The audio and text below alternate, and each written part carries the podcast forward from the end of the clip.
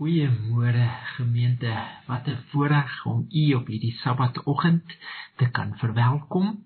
Dit is nog steeds ons voorreg om ten spyte van die omstandighede nog steeds tyd te kan afsonder in God se woord en ook in aanbidding.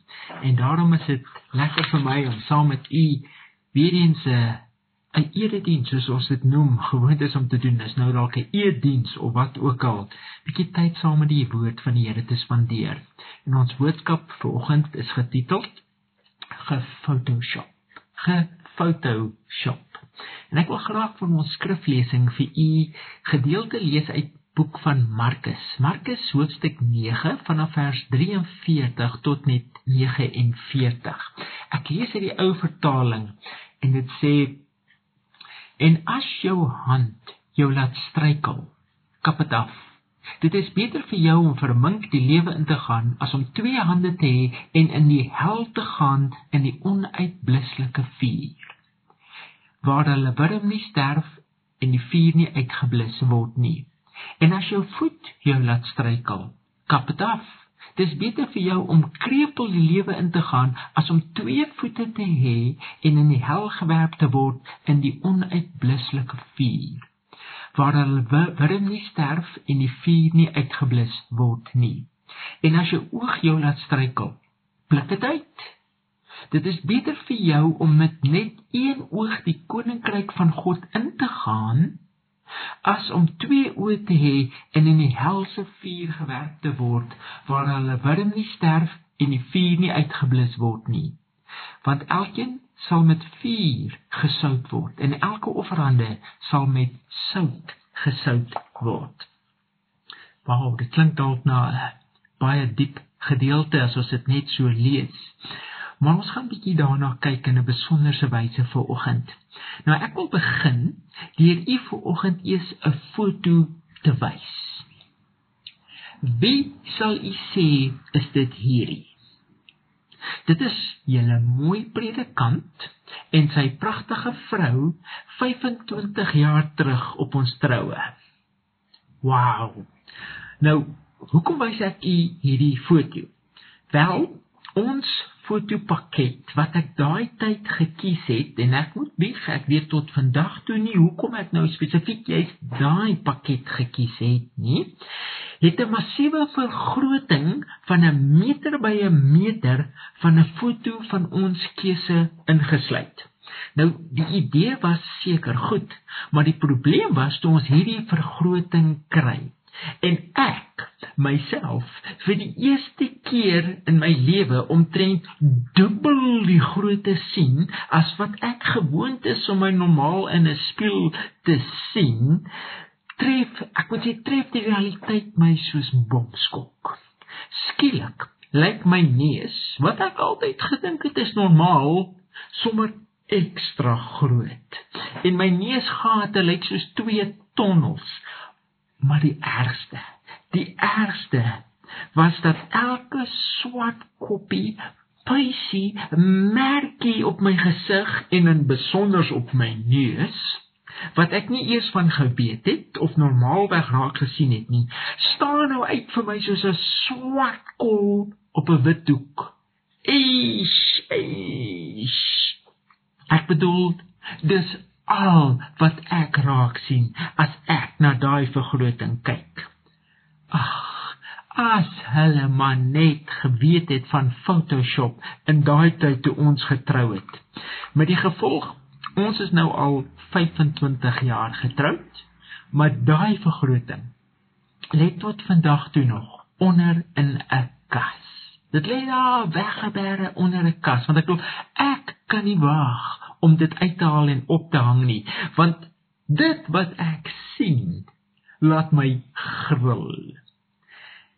En dit is natuurlik die probleem van 'n vergroting. Dit vergroot letterlik alles. Saam met die mooi word die klein en lelike lelike dingetjies wat ons nooit voorheen raak gesien het nie of van geweet het nie nou skielik ooglopend en duidelik sigbaar skielik kan ons niks wegsteek nie want alles is oop en bloot en groot. En hoekom ek dit vir u vertel? Is baie eenvoudig. Is dit nie maar ons almal se probleem as dit kom by ons eie geestelike lewens nie. Is dit nie maar ons probleem nie? Ek wil soos ons is of hoe ons lyk as ons na onsself geestelik kyk is baie keer vir ons goed. Ons is selfs getempteerd om baie gelukkig te word met ons eie geestelike lewens want dit wat ons sien lyk goed of althans hoe ons na onsself kyk lyk goed maar wat lê in werklikheid net 'n bietjie dieper hier onder die vel of hier diep in die donker kamers van ons harte. Ek wil u uitdaag. Al is dit lockdown om dalk net bietjie te gaan stil sit en die Heilige Gees te bid om vir jou ook as te ware 'n geestelike vergroting van jou hart te gee. Van jou hart te gee sodat jy dit kan raak sien. Wat ons nie meer raak sien nie, want ek ons is al so gewoond daaraan. Kyk, Photoshop was nog nie juis bekend toe ek getrou het nie. Maar dit was nie onbekend aan Satan nie. Inteendeel, Satan het nog al die jare op 'n baie subtiele manier ons geestelike lewens gefotoshop sodat ons baie beter vir onsself en vir ander kan lyk as wat ons werklik is. En die groot rede daarvoor is dat hy wil keer dat ons nie die erns van die sonde in ons lewens besef nie of nog erger dat ons ons vuil lewens in berou na die kruis van Golgotha sal bring nie nee hy wil dit toe vir ons wegsteek sodat wanneer ons die dag voor die groot regter sal staan ons skielik soos 'n bomskok ontbloot sal word vir wie wat ons werklik is wat ons werklik hier diep in ons eie harte is. Maar dan is dit heeltemal te laat. En as daar ooit 'n dringende boodskap is vir die tye waarin ons vandag leef, dan is dit dat Jesus wil hê dat een ek moet waak en stry teen die sonde. Moenie dink jy gaan eendag voor die regte stoel van God staan met jou sogenaamde lieflingssonnetjies in jou lewe waaraan jy vashou, maar omdat dit nou nie juis openlik is nie of iemand juis daarvan geweet het nie, God het maar net gaan oorsien nie. Nee. Jesus het ons nie in ons sondes kom red nie. Nee, nee, nee. Hy het ons juis van ons sondes kom red. Sonde is iets wat God wil hê dat een ek ten alle koste heen moet stry. Ons moet daarteen vaskop sodat ons deur God se genade daarvan kan wegstap. Weet ons luister veral deesdae graag na kenners op hulle eie vakgebied as hulle praat en vir ons raad wil gee oor sekere dinge kenners wat al die pad van die lewe geloop het, veral as ons daarmee onseker is. Byvoorbeeld, ons luister graag na finansiële kenners, weet? Na mediese kenners en selfs motorwerktuigkundiges as hulle vir ons wil raad gee. Maar in ons skriflesing gee Jesus ons lewensnoodsaaklike raad oor hoe om te waak teen die sonde. Maar met die eerste oogopslag klink dit nie juis na goeie raad nie. Inteendeel, dit maak nie eens vir ons sin nie. Eerstens sê Jesus vir ons in Markus 9:43: As jou hand jou laat struikel, kap dit af. En dan in vers 45 sê hy: As jou voet jou laat struikel, kap dit af. En dan in vers 47 van ons skriflesing sê hy: As jou oog jou laat struikel, blik dit uit. want dit is beter vir jou om vermink of krepeel of met net een oog die koninkryk van God in te gaan as om twee hande, twee voete en twee oë te hê en daarmee tog in die hel te beland. Soos ek gesê het, hierdie gedeelte maak nie vir ons sin nie. Bedoel Jesus werklik dat ek hier my hand of my voet moet afkap of of selfs my oog moet uitblik sodat ek nie meer sal sondig nie. Wat sal u van my dink?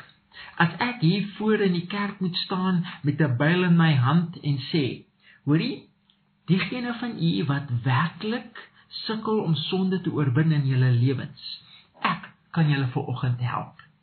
Diegene wat nie meer wil steel nie of begeer nie of dalk iets wil nie wil vat wat nie aan hom behoort nie, kom, bring julle hande. Kom sit dit op die blok, ek sal dit julle uitsorteer. Of diegene van u wat nie meer die verkeerde pad wil loop nie, bring daai voete. Ek kan dit dadelik vir julle uitsorteer. Wat sal u van my dink? Jo, ek gaan sê, "Jo, dis dankie tog, dis lockdown en nie predikant kan nie naby ons kom nie. Dankie tog ons sien sy preek op die internet." Want sy kopperags man, julle sal dink daar's heeltemal fout met my. En julle sal reg wees.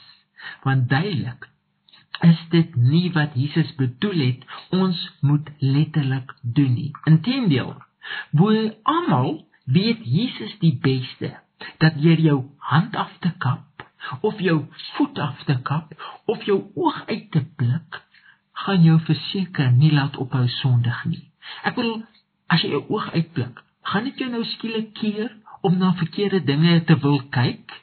Ek bedoel jy dan tog nog 'n ander oog ook oor. Nou u sien, die Bybel leer ons dat die sonde het sy oorsprong waar hier in die hart, hier in die hart in jou gedagtes. En dit gaan nie help om jou hand of jou voet af te kap terwyl ek nog steeds die begeerte in my eie hart koester nie. 'n Mens lees ook nêrens in die Bybel waar enige Christen ooit hulle hande of hulle voete afgekap het om nie meer te sondig nie, want die konteks is duidelik. Nie om jou liggaamsdele wat jou te laat sondig af te kap nie, want Die werklike probleem lê in die hart. Inteendeel, dit is juis die hart of die verstand wat die hand of die voet en die oog lei om die verkeerde pad te loop. Jesus se woorde klink dalk direk en kras, want Jesus wil hê ons moet besef hoe gevaarlik sonde in werklikheid is en wat dit aan ons doen. Jy sien, die duiwel het ons al so in ons lewens gefotoshop dat ons al in baie gevalle heeltemal mak geraak het vir die sonde in ons lewens.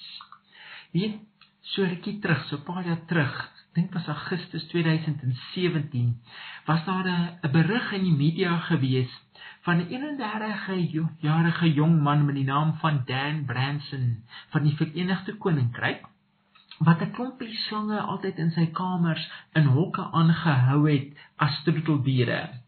Nou onder andere het hy ook 'n baie groot Burmeese leislang aangehou wat hy gereeld uit sy hok gehaal het en dan het hy die slang so om sy nek en om sy lyf laat krul so met hom rondgeloop.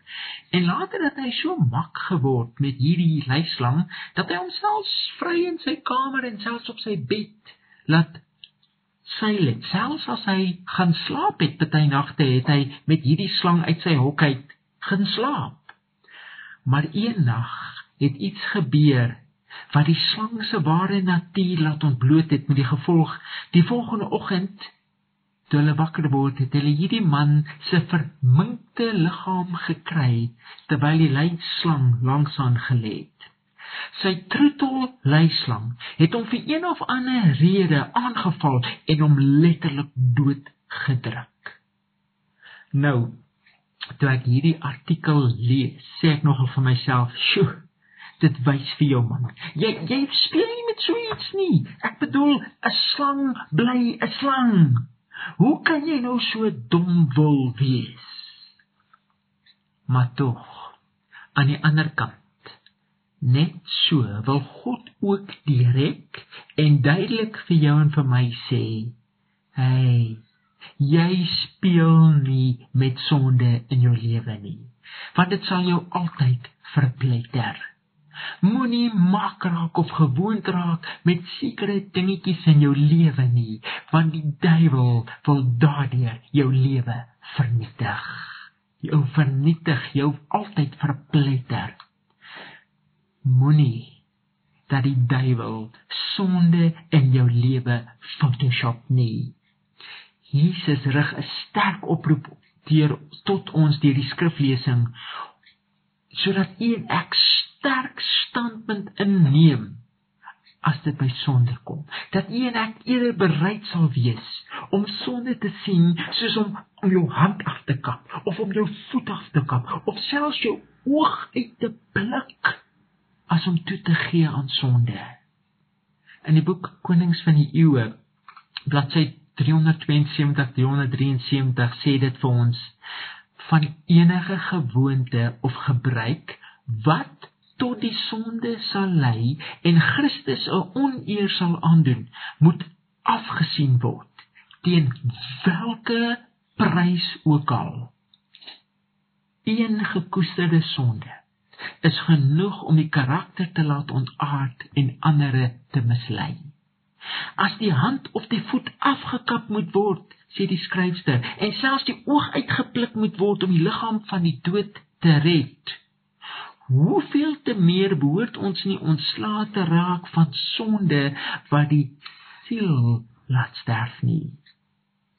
Nou ons weet daar is sekere diere, byvoorbeeld museljaatkatte, muisonde en selfs jakkalse wat as sy voet in 'n slaguister vasgevang is in absolute desperaatheid om te ontsnap, partykeer selfs sy eie poot sal afvreet om los te kom.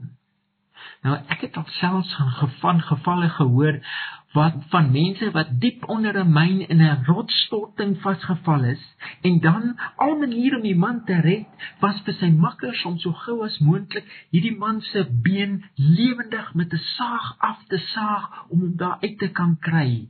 En in 'n sekere geval het 'n man sy eie knipmes gebruik om sy eie been te amputeer om te kan ontsnap. Nou, dit klink verskriklik. Ek bedoel om jou eie arm of been af te sny om jouself te red.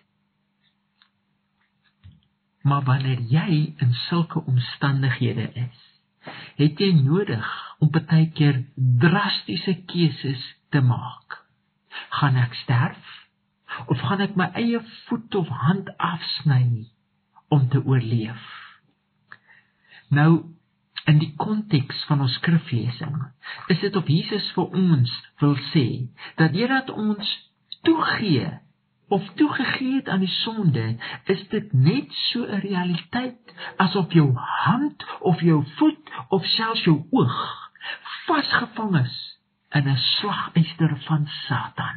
Vas in 'n slaguister. En wat gaan jy doen? Wat gaan jy doen? Jy weet, sekere dinge waarin ons vasgevang is, kom nie net van self reg die oomblik as ons dit bely nie maar vereis dat ons van ons kant af sekere en baie keer selfs drastiese keuses sal moet maak om daarvan weg te kom. Jy het dalk nodig om 'n werk te bedank wat jou lewe is, maar jou daarvan weerhou om getrou aan God te wees. Dit hou jou dalk weg van jou ewige lewe. Of jy moet dalk 'n verkeerde verhouding beëindig. Al maak dit hoe seer en as jy gevolge hoe groot dalk moet jy jou rekenaar afsit en toemaak of selfs dalk in die asblik weggooi omdat dit 'n oop deur tot sonde geword het in jou lewe. Moenie dat Satan sonde in jou lewe Photoshop nie. En nog erger, moenie dat hy jou sondige lewe Photoshop sodat jy dink jy's beter as wat jy werklik is nie bid ernstig dat die Heilige Gees jou 'n vergroting van jouself sal gee sodat jy jouself werklik kan sien soos wat jy werklik is. En dit jou so sal waag dat jy alles in jou vermoë sal doen om daarvan te ontsnap en weg te kom. Hoe moenie gewoon raak aan daai slaguister van Satan nie weet in Hebreërs 12 vers 4 kry ons in werklikheid dieselfde ego van Jesus se woorde in ons skriflesing as dit sê julle het nog nie ten bloede weerstand gebied in julle stryd teen die sonde nie. Sien die meeste van ons is al so gemaklik met die sonde in ons lewens dat ons nie eers meer weet wat dit werklik beteken om weerstand te bied nie. Maar Jesus se eie lewe daag ons uit om daarteen te staan. Al moet ek ten bloede weerstand bied. Jy sien, ons probleem as Christene is dat ons baie keer net te maklik opgee in hierdie stryd teen die sonde. Ons raak mismoedig en ons Ons gee op. Maar elke keer as ons opgee, besef ons nie hoe ver sit dit ons terug in ons Christelike stryd teen die sonde nie. Hoe ver sit dit ons terug nie? Ek wonder, het jy al op die snelweg gery, dalk op vakansie of verheen op 'n lang pad? En dan soos wat jy ry, weet jy 120 op die snelweg, skielik val jy vas agter 'n groot ou swaar vragmotor wat hier so teen 80 km/h aan sukkel. En en jy sukkel om verby te kom, weet jy, kan net nie verbykom nie. En na ruk kry jy soos ons sê 'n gap en jy jy gaan hom verby. En soos dat jy verby hierdie groot swaar vragmotor ry, kyk jy na wat hy op het, jy kyk wat op hom staan, as hy roeskol of so iets. En soos wat jy verby hom gaan, maak jy weer oop en jy vat die pad. En na so 'n halfuur wat jy so teen 120 km/h gemaklik ry, sien jy skielik 'n Shell Ultra City hier langs die pad. En dit is nodig nie, maar jy besluit kom ek trek net so 'n bietjie af. Dalk om net so 'n ou draaitjie te loop of die kinders toe te laat om so 'n draaitjie te laat loop, jy weet, en uh, dalk ietsie te kry om te eet, nou die bene te rek. Niks ernstigs nie, trek net so 'n bietjie af. En nadat alles weer reg is, jy weer opgetop is, val jy in die pad en jy begin weer ry. En soos jy op die snelweg klim en jy maak oop 120 na so halfuur van gemaklike ry, gaan jy weer verby 'n groot ou swaar vragmotor. En skielik, soos jy hierdie vragmotor verbygaan, herken jy hom dat dit dit dieselfde ou lorry is wat jy lank terug verbygegaan het. En jy sê vir jouself, nou hoe het dit hy nou weer hier voor my gekom? Hoe is dit moontlik? En skielik besef jy, jy het net vir 'n rukkie afgetrek, net vir so kort rukkie. Maar in daai kort tydjie, in daai kort tydjie, het hierdie ou stadig getrok jou nie net ingehaal nie, maar verbygegaan en so ver verbygegaan dat dit jou tot nou toe gevat het om weer eens by hom te kom. Hoe ver? Hoe ver het so kort rukkie se stop jou nie teruggesit nie? Hæ? Hoe ver het dit jou nie teruggesit nie? Nou net so is dit met ons stryd teen die sonde. Ons is almal op hierdie Christelike lewenspad. Maar Satan, baie slim. Weet, hy sien ons nie baie ernstig nie of ons stry teen hierdie sonde en dan plaas hy sekere dinge langs ons lewenspad wat ons versoek om net vir so 'n bietjie af te trek. Niks ernstigs nie. Ons ons stop net gou en ons rek net so 'n bietjie die bene en dan gaan ons weer die Christelike pad loop. Dan vat ons weer die pad. Jy kry dalk 'n nuwe werksaanbod met 'n baie groter salaris. Maar jy moet ongelukkig sekere toegewings maak. En jy besluit om net so 'n bietjie af te trek weet ek ek sal later as alles weer regkom en beter is, sal ek terugkom kerk toe en ek sal die Christelike pad loop. Of jy verloor dalk jou werk en jy sê vir jouself, ek sal nou net 'n bietjie moet aftrek van die kerk. Ek gaan nie meer betrokke wees nie. Ek bedoel, die kerk moet net verstaan ek het my werk verloor. Of ek ontmoet iemand nuut in my lewe of ek ontmoet dalk nuwe vriende in my lewe en ek trek net so 'n bietjie af. Jy weet, niks ernstigs nie. Ek ek sal weer later terugkom kerk toe. Ek sal weer die Christelike pad loop. Ek sal weer die dinge reg kom doen. Maar as ons aftrek, hoe ver sit dit ons nie terug in hierdie geestelike stryd teen die sonde nie? Ek bedoel, ek ek gaan vorentoe beweeg dalk, maar Jesus se boodskap is nee. Byt vas, hou vas, moenie aftrek as dit by jou stryd teen die sonde kom nie. Moenie opgee nie, moenie aftrek nie. Just keep on track. Want die oomblik as jy aftrek, hoe ver sit dit jou nie terug in jou Christelike wandel in jou stryd teen die sonde nie. Hoe ver kon jy nie al voorgewees het nie? In die boek Handelinge van die Apostels sê vir ons in bladsy 531 in sy mensheid wat hier 'n lewe van voortdurende teenstand teen die kwade vervolmaak is het die Heiland bewys dat mense deur samewerking met God in hierdie lewe 'n volmaakte karakter kan behou. Met ander woorde, een ek kan die volle oorwinning oor sonde behaal deur God se genade. En dan sê sy die Christen se aandeel is om vol te hou in sy poging om elke swakheid te oorwin. Hy moet voortdurend tot die Heiland bid om die kwale van sy siek siel te genees. Hy het nie die wysheid of die krag om te oorwin nie. Maar hier is die goeie nuus. God skenk dit aan diegene wat in ootmoed en oorgawe smeek dat hy hulle moet help. Daarom as dit by sonde kom, moenie dat Satan jou Photoshop nie of die sonde in jou lewe Photoshop nie. Bid elke dag dat die Heilige Gees as ware jou 'n geestelike vergroting van jou eie hart sal gee sodat jy jouself kan sien vir wat jy werklik is hier diep binne.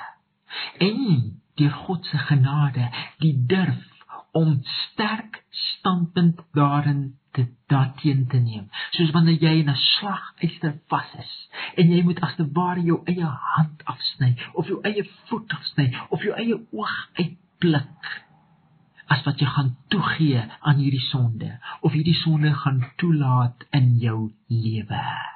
Dat jy met vaskop met alles wat jy het en op Jesus sal fokus om die sonde in jou lewe te oorwin.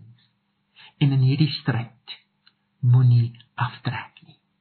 Moenie so moedeloos word of in hierdie houvas van sonde raak dat jy dat jy net bietjie wil aftrek nie. Dat jy dink ag ek sal maar later weer terugkom nie, maar nou gaan ek net so bietjie aftrek nie. Nee. Nee, hou aan, hou aan, want kyk, dit sal beslis die moeite werd wees om eerder vermink die ewige lewe in te gaan as om toe te gee aan die sonde en in die hel gewerk te word in die onuitblusselike vuur. Hou vas. Hou vas. Staan sterk. Kom ons buig die hoofde ons wonderlike Here Jesus. Dankie dat U ons God is wat werklik ons van die sonde wil red. En Here Jesus, ons wil erken en voor U kom buig en en ons harte vir U kom gee. Want Here, ons het al gewoond geraak aan sonde. Ons het eintlik toegelaat dat Satan ons gefotoshop het. Want ons dink ons is geestelik goed en sterk alhoewel ons nie so is nie. O Here, help ons. Help ons om sterk standpunt teen sonde in te neem. Help ons om te sien vir wat dit werklik is en dat dit werklik aan ons kan doen en dat ons selfs sal kies om om dit af te sny teen watter prys ook al. Selfs al moet die oog uitgepluk word of die voet afgekap word, dat ons so sal sterk standpunt inneem teen die sonde. En Here, help ons om nooit gewoond te raak aan die sonde nie of om vir een oomblik in hierdie geestelike stryd te wil aftrek nie want dit is nie die moeite werd nie.